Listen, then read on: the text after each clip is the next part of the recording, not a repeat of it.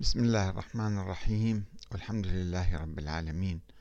والصلاة والسلام على محمد وآله الطيبين. ثم السلام عليكم أيها الأخوة الكرام ورحمة الله وبركاته.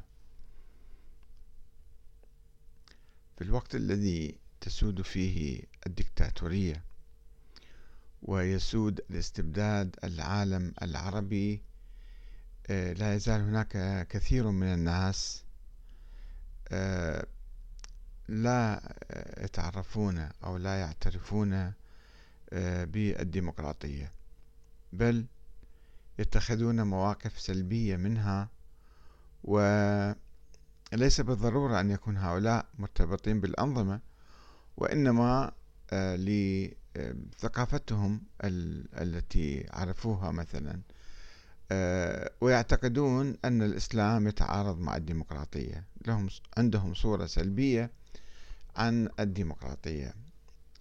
آه، من هؤلاء آه، أخ صديق آه، اسمه فهمي السعدون.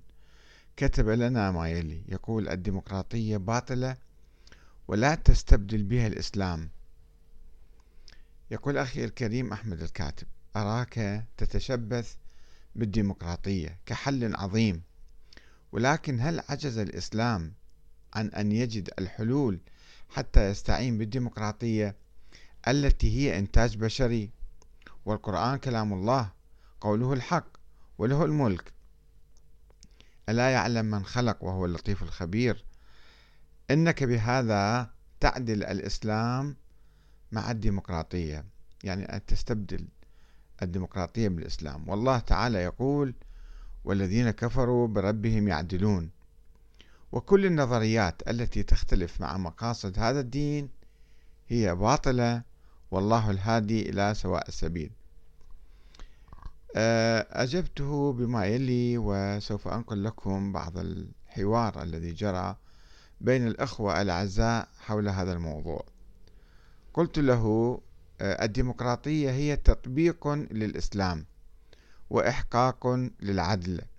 واحترام لحريات الناس وحقوقهم والاستماع إلى كلمتهم في اختيار الحاكم الكفء المؤمن العادل الصالح ومبايعتهم بيعة طوعية ورفض الاستيلاء على السلطة بالقوة والعنف والإكراه وتوريث السلطة للأبناء والأحفاد واستعباد الناس وظلمهم والتلاعب بالقانون والقضاء. واعتقال الناس وقتلهم بلا سبب إلا مثلا شهوة الحاكم والتصرف بالثروة العامة وكأنها ملك شخصي كما هو الحال في الأنظمة المستبدة الدكتاتورية.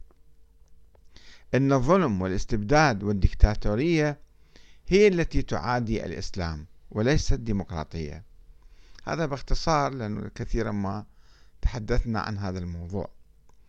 الأخ محمد هيثم.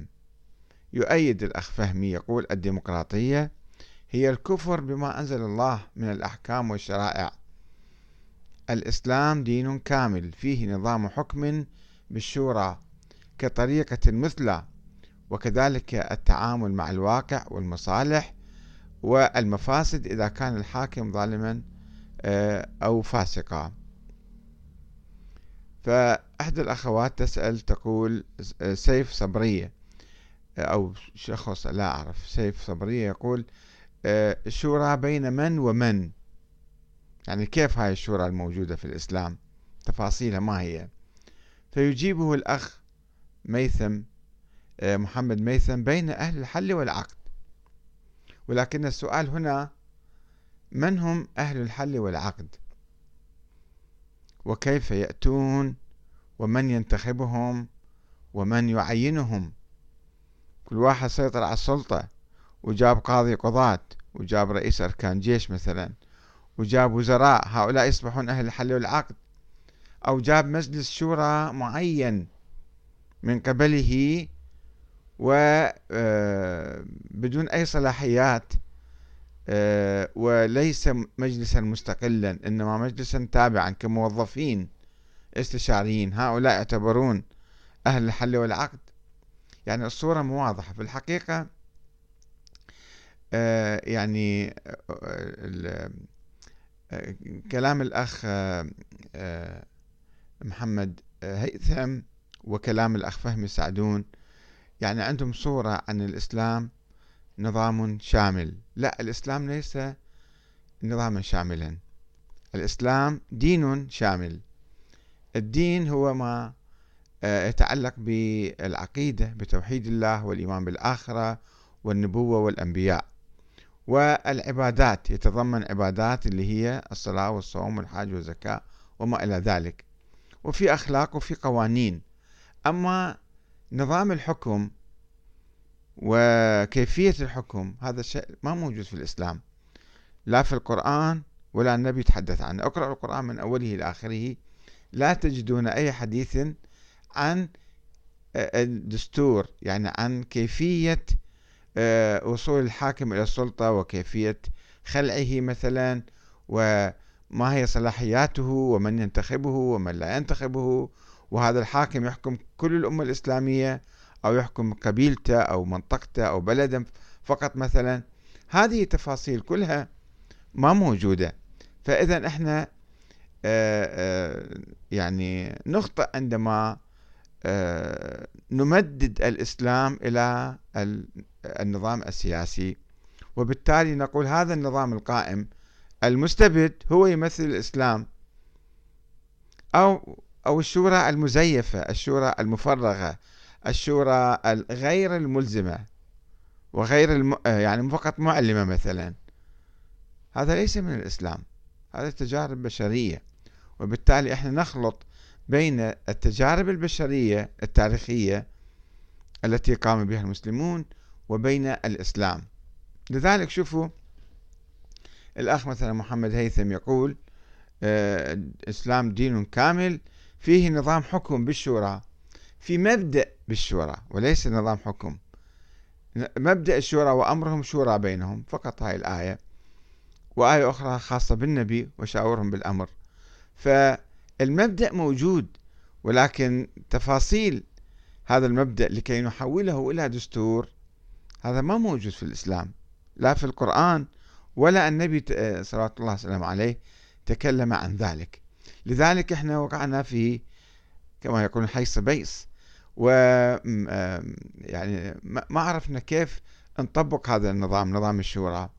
ومن هم أهل الحل والعقد؟ لا أحد يعرف. كل واحد يجيب كيفه يقول هؤلاء هم أهل الحل والعقد. وأحيانا كما يقول ابن تيمية مثلا أهل الشوكة الجيش. يا الجيش اللي يجيبه ويحطه يصير هذا هو إمام. هذا مو صحيح. هذا فكر يعني بشري وليس فكر إسلامي. الأخ الحاج ثامر الربيعي يقول بداية لا يوجد على الأرض نظام حكم يحقق العدل على الأرض بما في ذلك الديمقراطية التي تهمل 49% من الأصوات. ولكنها أفضل ما موجود حتى اللحظة من نظم حكم معمول بها ما عدا النظام النقابي الذي يقترب جدا من العدل في قيادة الشعب وتحقيق ما يصبو إليه. أما الإسلام فمن ارتضاه الناس إماما وأجمعوا عليه فهو إمام واجب الطاعة ولا أظنه حدث إلا مع علي بن أبي طالب. إحنا نتكلم اليوم يا أخ آه، حج تامر كيف نختار إمامنا؟ هذا الإمام يأتي بالقوة يسيطر علينا. أم ننتخبه نحن ونراقبه نحن ونحاسبه من خلال مثلا آه، مجلس آه، شورى أو برلمان. وأيضا هناك قضاء مستقل. وفترة محددة للحكم ليست فترة مطلقة. إلى أن يموت الحاكم مثلا. هذه كلها تفاصيل تحددها وترسمها الديمقراطية. الأخ سلمان أحمد الأحمد يقول ليس هناك نظرية سياسية للحكم بعد وفاة الرسول صلى الله عليه وآله وسلم. لقد اختلف المسلمون فيما بينهم وتباينت المذاهب والفرق الإسلامية فيما بينها حول أسلوب أو سياسة الحكم وخاصة بعد الخلفاء الراشدين وينسحب هذا على السياسة الاقتصادية وتطبيقاتها حتى الزمن الحاضر. الأخ كريم يوسف الموسوي يقول الله سبحانه وتعالى أنزل تعاليم وشرائع أما سياسة البلدان وحكم الشعوب متروك لهم وهم يسوسون حياتهم وينظمون مجتمعاتهم. وبالتالي يعني إذا نستفيد من كلام الأخ كريم أنه الديمقراطية في المجال المتروك للناس وليست متعارضة مع الإسلام ومع القرآن ومع الدين. متروك الديمقراطية هي كيفية إدارة الشعوب لنفسها وتنظيم حياتها. فما في تناقض بين الديمقراطية وبين الإسلام. الأخ سلمان أحمد مرة أخرى يقول لا يمكن لأي حاكم إلا أن يكون دكتاتورا إلا المنصب من الله. طيب منين نجيب هذا المنصب من الله؟ ما موجود. طيب لازم نستسلم لديكتاتورية الحكام؟ لا مو بالضرورة كل حاكم يكون دكتاتور الحاكم اللي يستولي على السلطة بانقلاب عسكري يمكن يصبح دكتاتور ولكن الحاكم الذي ينتخب من الشعب وضمن دستور على أساس دستور وضمن قوانين محددة وصلاحيات محددة. آه هذا ما يمكن يصبح دكتاتور بالعكس الشعب راح يقيده وإذا تجاوز حدوده يمكن أيضا يعزله ويشيله. الأخ أحمد الدراجي يقول أخي المحترم يخاطب يبدو سلمان. إن أنت قلت أن الديمقراطية ليست من الإسلام بشيء. ما أعرف شنو رأي, رأي جنابك بنظام الحكم. هل تعتقد بنظرية الإمامة الإلهية والتعيين ومن قال لك أن الديمقراطية ليست نظام حكم إسلامي؟ علي بن أبي طالب رضي الله عنه انتخب بالديمقراطية من قبل الشعب. وهو أيضا قال لأصحابه أثناء موته لا أنهاكم ولا آمركم في قضية ترشيح الحسن بن علي رضي الله عنه. الأخ عادل السمعلي أو السمعلي لا أعرف بالضبط يقول الديمقراطية هي أسلم طريق للربط بين الإسلام والعصر وهي شكل من أشكال الشورى واختيار الأمة للحكام وفيها إسقاط لنظرية التغلب بالسيف التي سالت بها دماء الأبرياء ووصل بها للسلطة الطغاة المستبدون. يعود الأخ محمد هيثم يقول الديمقراطية فيها ثلاث سلطات سلطة تشريعية وتنفيذية وقضائية. أما السلطة التشريعية فهي مطلقة غير مقيدة بحلال الله وحرامه وأوامره ونواهيه وأحكامه. وبهذا المعنى فهي كفر بواح وتمرد على رب العالمين بترك شريعته وراء الظهور. هذه النقطة بحاجة إلى مناقشة بالحقيقة. من قال لك أن الديمقراطية هكذا؟ الديمقراطية أو نظام الحكم كل شعب آه، يبني نظام آه، نظامه السياسي كما هو. يعني في البلاد اللي ملحدة الديمقراطية غير مقيدة. في البلاد المسيحية الديمقراطية مقيدة بالقوانين المسيحية. في البلاد اليهودية أيضا الديمقراطية مقيدة في القوانين اليهودية. في الإسلام أيضا السلطة التشريعية ليست مطلقة ولا يمكن أن نجعلها مطلقة إنما هي في حدود الإسلام وهي أساسا خارج حدود الشريعة. يعني الشريعة محترمة في مكانها وحدود الله واضحة ونواهيه وأوامره كلها في مكانها. إنما نتكلم عن تداول السلطة.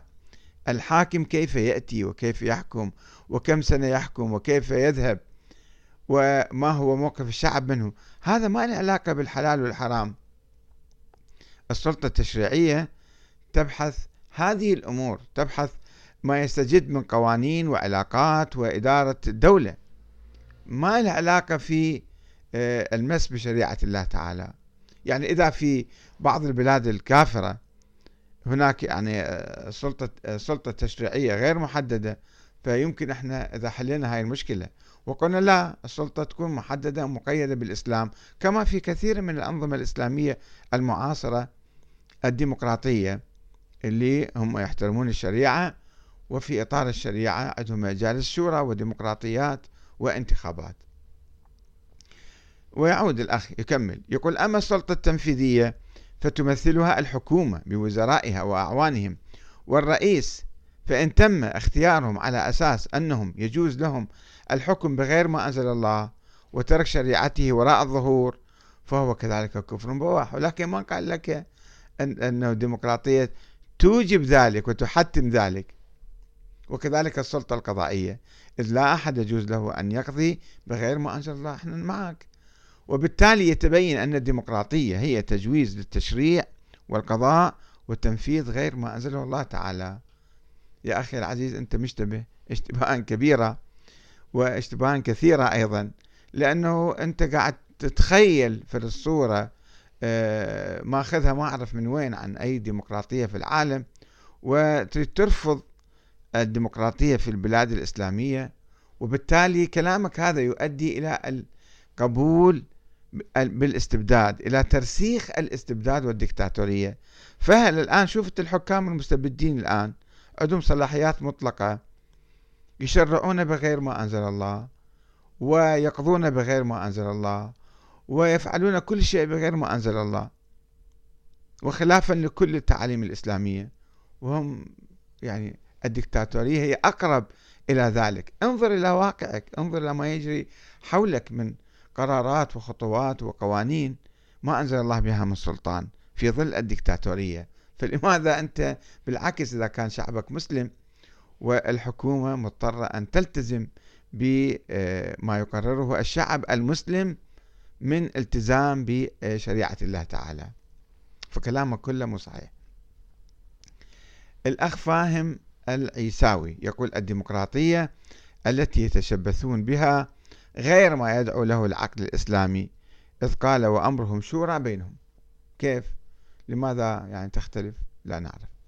الأخ أصام القاضي يقول الديمقراطية مصطلح غربي تعني حكم الشعب ولا يعني أنها مصطلح غربي آه، فهي بعيدة عن تعاليم الإسلام.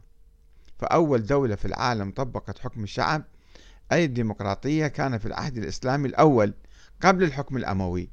ولكون الديمقراطية تمثل حكم الشعب فهذا يعني أن كل دولة ستطبق نظام ديمقراطي يختلف من دولة عن أخرى يعني من دولة لأخرى. لأن كل شعب لأن شعب كل دولة يختلف عن الشعب الآخر. وعليه الديمقراطية في دولة مسلمة ستختلف عن الديمقراطية في دولة لا دينية. وهذا حال غالب الدول الغربية حاليا. وهذا الأمر يتعلق بالقوانين التي تطبق في هذه البلدان.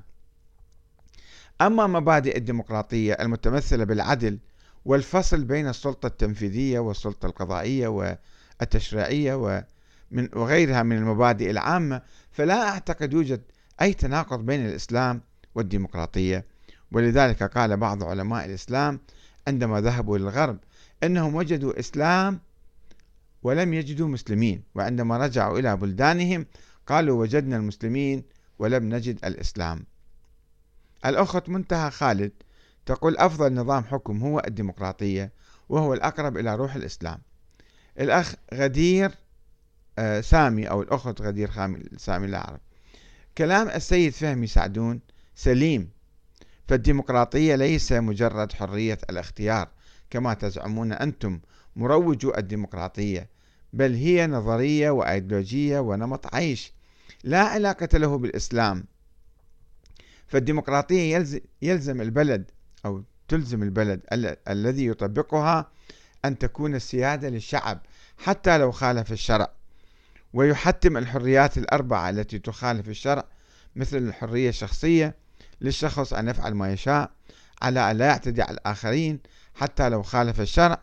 وحرية التملك حتى لو خالف الشرع مثل الربا والقمار والاحتكار.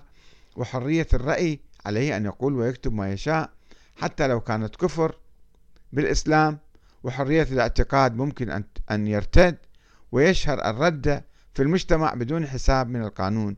راجعوا موقفكم ودعواتكم الذي يغضب الله يا شيخ. يا أخي العزيز يا أختي العزيزة لا أعرف بالضبط يعني ليس بالضرورة أن إحنا نعطي حريات آه، كاملة ونبيح الربا والقمار والاحتكار يعني بالعكس يمكن إحنا نضع آه، الشريعة فوق الديمقراطية أو فوق النظام السياسي والنظام السياسي هو يطبق الشريعة هو منفذ الشريعة. فايق العبيدي يقول الديمقراطية بمفهومها اليوم كفر بالله ورسوله فكل من لا يحكم بما أنزل الله طاغوت. فرض الله على كل مسلم يشهد أن لا إله إلا الله أن يكفر بالطاغوت. قال الله تعالى ولقد بعثنا في كل أمة رسولا أن اعبدوا الله واجتنبوا الطاغوت فمنهم من هدى الله ومنهم من حقت عليه الضلالة. فسيروا في الأرض فانظروا كيف كان عاقبة المكذبين. والله سبحانه بين لنا في القرآن الذين يريدون أن يتحاكموا للطاغوت. ما هو حكمهم؟ قال الله تعالى ألم تر إلى الذين يزعمون أنهم آمنوا بما أنزل إليك وما أنزل من قبلك يريدون أن يتحاكموا إلى الطاغوت وقد أمروا أن يكفروا به ويريد الشيطان أن يضلهم ضلالا بعيدا. فالحاصل أن الشارع الحكيم الله سبحانه وتعالى بين لنا كل شيء. فالرسول صلى الله عليه وآله قال الخلافة ثلاثون سنة وما بعدها ملك ثم ملك عضوض ثم ملك جبري ثم تكون خلافة على منهاج النبوة ثم المهدي. ثم المهدي المهدي.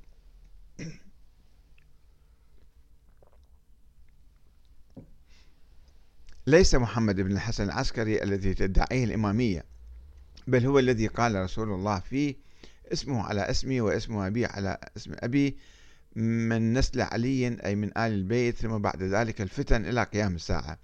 على شرار الخلق هذا باختصار. يا أخي العزيز فائق العبيدي. أولا الآن لا يوجد مهدي حسب قولك ونحن نعيش في هذا العصر فماذا نفعل؟ ماذا نفعل؟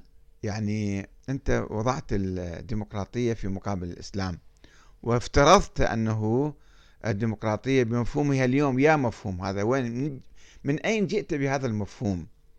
هذا مفهوم موجود في الغرب مثلا ليس بالضرورة أن نلتزم بهذا المفهوم بحذافيره. نحن نتحدث عن نحن أمة مسلمة شعب مسلم.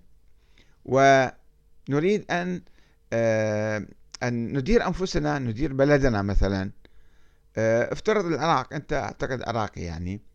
يعني مرة يجي صدام حسين يقوم بانقلاب عسكري يستعين بحزبه فيقوم بانقلاب ثم يضرب الحزب ثم يضرب كل واحد جابه إلى السلطة.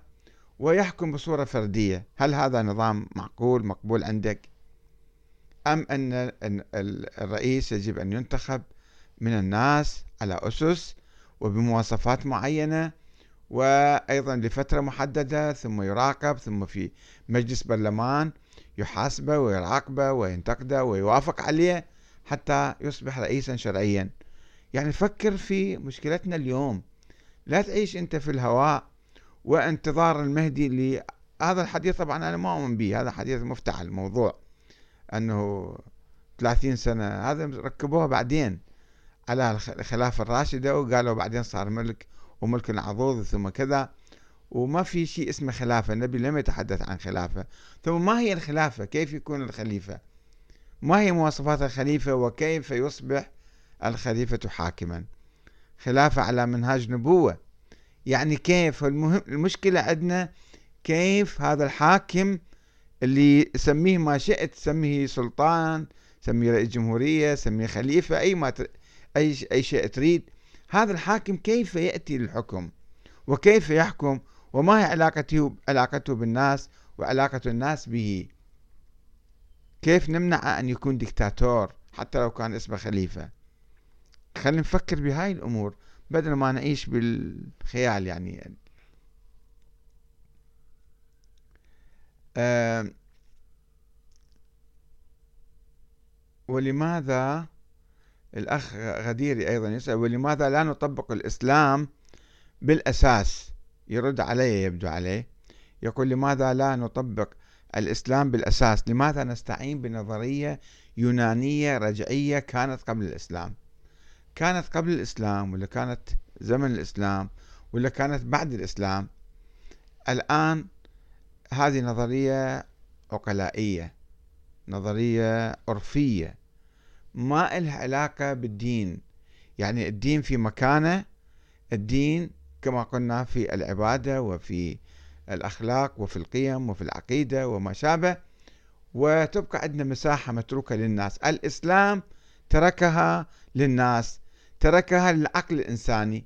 وبالتالي إحنا تاريخنا الإسلامي مثلا شرقنا وغربنا وجربنا كثيرا من الأنظمة والنظريات ولكن عندما ننظر إلى العالم ننظر إلى التجارب الإنسانية كيف المجتمعات المتحضرة المتقدمة حلت مشكلة الصراع على السلطة؟ حلتها بشكل سلمي أنه إحنا بدل ما نصارع ونقوم بانقلابات عسكرية يوم بعد آخر خلي نحترم الجميع ونعطي الجميع حق تداول السلطة وحق حق الترشح إلى آه، السلطة والمناصب القيادية. وأيضا في نفس الوقت نعطي الآخرين حق آه، آه، التنافس معهم واستبدالهم بعد فترة بعد أربع خمس سنوات مثلا. كما يحدث في العالم. شوفوا الآن النظام الأمريكي صار له حوالي 200 سنة قائم على الدستور الديمقراطي. وما صار في انقلاب عسكري وما صار في مثلا ثورات يومية انقلابات عسكرية وثورات ضد النظام. لأنه أقاموا هذا النظام على أسس عقلية. النظام السياسي أقصد النظام السياسي الديمقراطي. بينما نحن في بلادنا حاكم يجي يستبد بالسلطة وما يترك السلطة حتى القبر أو يحدث عليه انقلاب عسكري. الأخ حسين الحسيني يقول إن هي إلا أسماء سميتموها أنتم وآباؤكم ما أنزل الله بها من سلطان. إن يتبعون إلا الظن وما تهوى الأنفس ولقد جاءهم من ربهم الهدى. عودوا إلى إسلام محمد وأهل بيته الذين طبقوا القرآن وأتموا الأخلاق ولن تحتاجوا لحاكم أو رئيس فالإسلام هو الحاكم وهو الرئيس وهو الخلاص من كل معضلة. الأخ حسين الحسيني حل المشكلة بسهولة كلش. يا أخي العزيز الإسلام موجود صار 1400 سنة فلماذا تخلف المسلمون؟ ولماذا تفرق المسلمون؟ ولماذا تقاتل المسلمون فيما بينهم؟ منذ أيام الفتنة الكبرى لماذا حدثت الفتنة الكبرى بعد 25 سنة من وفاة الرسول؟ لأن النظام السياسي الذي أقامه الصحابة بعقلهم طبعا كان في شيء خارج الشريعة خارج الإسلام في الإطار العرفي في الإطار الاجتماعي السياسي. هذا النظام كان فيه مشكلة أو في مشاكل وما كان واضح ولذلك انهار بعد 25 سنة وحدثت الفتنة الكبرى وأصبح الحكم ديكتاتوري وراثي عبر التاريخ. فنحن لا يكفي أن نقول الإسلام دستورنا أو خلينا نعود للإسلام آه، وإنما يجب أن نفصل هذه الأمور اللي هي عقلية وفي المجال العقلي علينا أن نطور أنظمتنا السياسية لكي تصبح معبرة عن آمالنا وآلامنا ومبادئنا وتكون تمثلنا تمثيلا صحيحا. إن شاء الله نأمل من الله أن آه، يعني آه، تنتشر الثقافة الديمقراطية في العالم العربي والإسلامي بحيث آه، ننتقل بعد ذلك إلى خطوة إقامة الأنظمة وتطوير الأنظمة المستبدة والدكتاتورية وإخضاعها إلى إرادة الشعوب. والسلام عليكم ورحمة الله وبركاته.